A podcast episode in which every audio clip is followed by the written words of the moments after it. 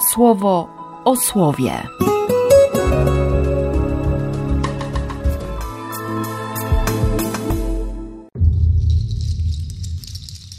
Dwudziesty ósmy stycznia, czwartek. Z listu do Hebrajczyków.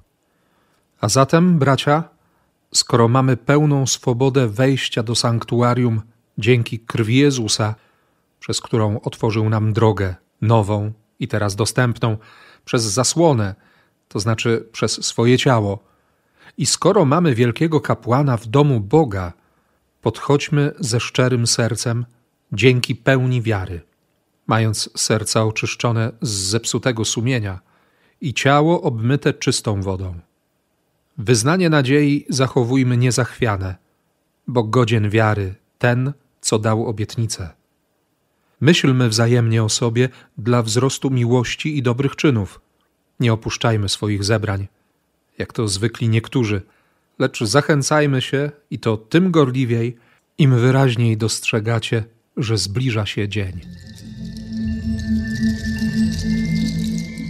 Z Ewangelii według świętego Marka.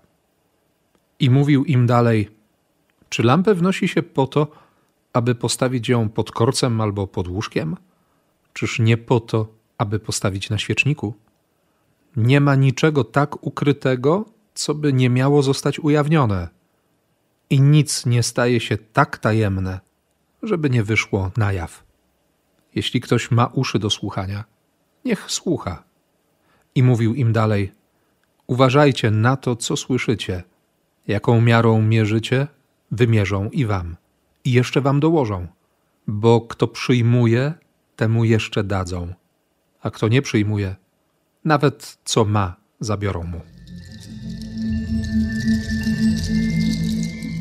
Pomyślałem sobie, że pierwszy i ostatni werset dzisiejszego fragmentu listu do Hebrajczyków jest dany właśnie na nasze czasy. Skoro mamy pełną swobodę wejścia do sanktuarium, a tu często drzwi zamknięte, ograniczenia, limity itd. Oczywiście chodzi o zupełnie coś innego autorowi natchnionemu. Swoboda wejścia dzięki krwi Chrystusa.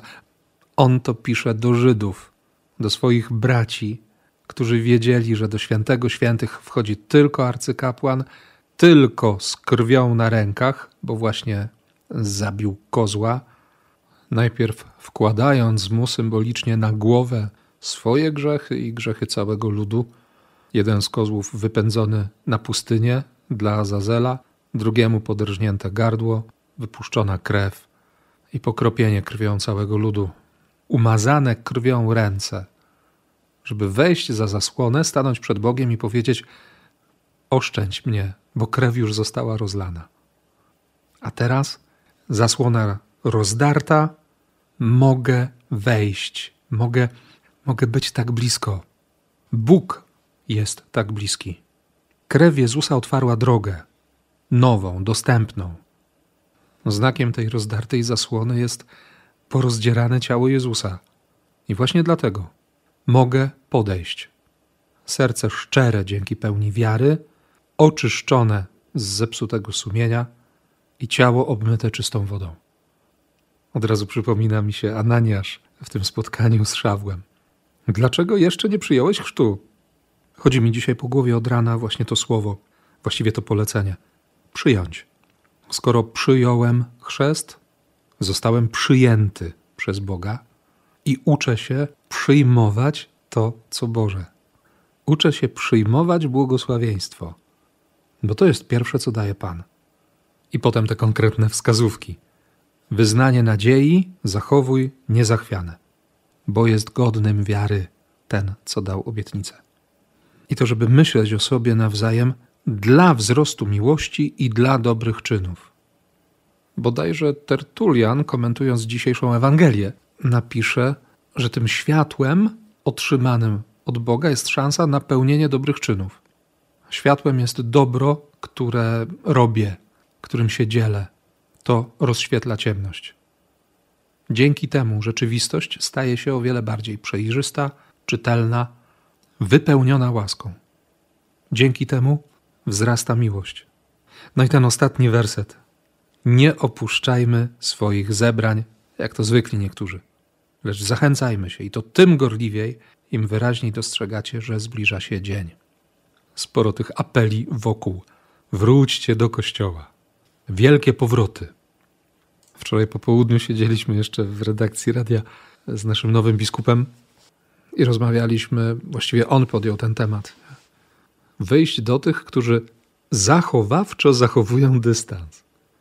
Umacniać tych, którzy są umocnieni, to oczywiste, ale wychodzić, dawać propozycje, wyciągać rękę do tych, którzy się trochę wahają, którzy to wszystko biorą na chłodno, albo po prostu wolą być w dystansie, bo się zawiedli na ludziach związanych, kojarzonych z Kościołem, albo po prostu na ludziach odpowiedzialnych za Kościół, bo w społeczeństwie też w sumie sytuacja nie do pozazdroszczenia. Od razu mi się to dziś przypomniało, kiedy stanąłem, by komentować słowo na, na Eucharystii porannej. Myślmy wzajemnie o sobie dla wzrostu miłości, dla dobrych czynów. I to wołanie o powrót. Zachęcajmy się i to tym gorliwiej, bo przecież wiemy, że, że każdy dzień jest dany po to, żeby dać się zbawić. We mnie to od dawna pracuje, myślę, że w tobie też. I na to wszystko przychodzi słowo Jezusa. Rzucił ziarnem, rzucił słowem w tej przypowieści o siewcy i jakby idąc za ciosem. Jest lampa, to nie po to, żeby ją schować.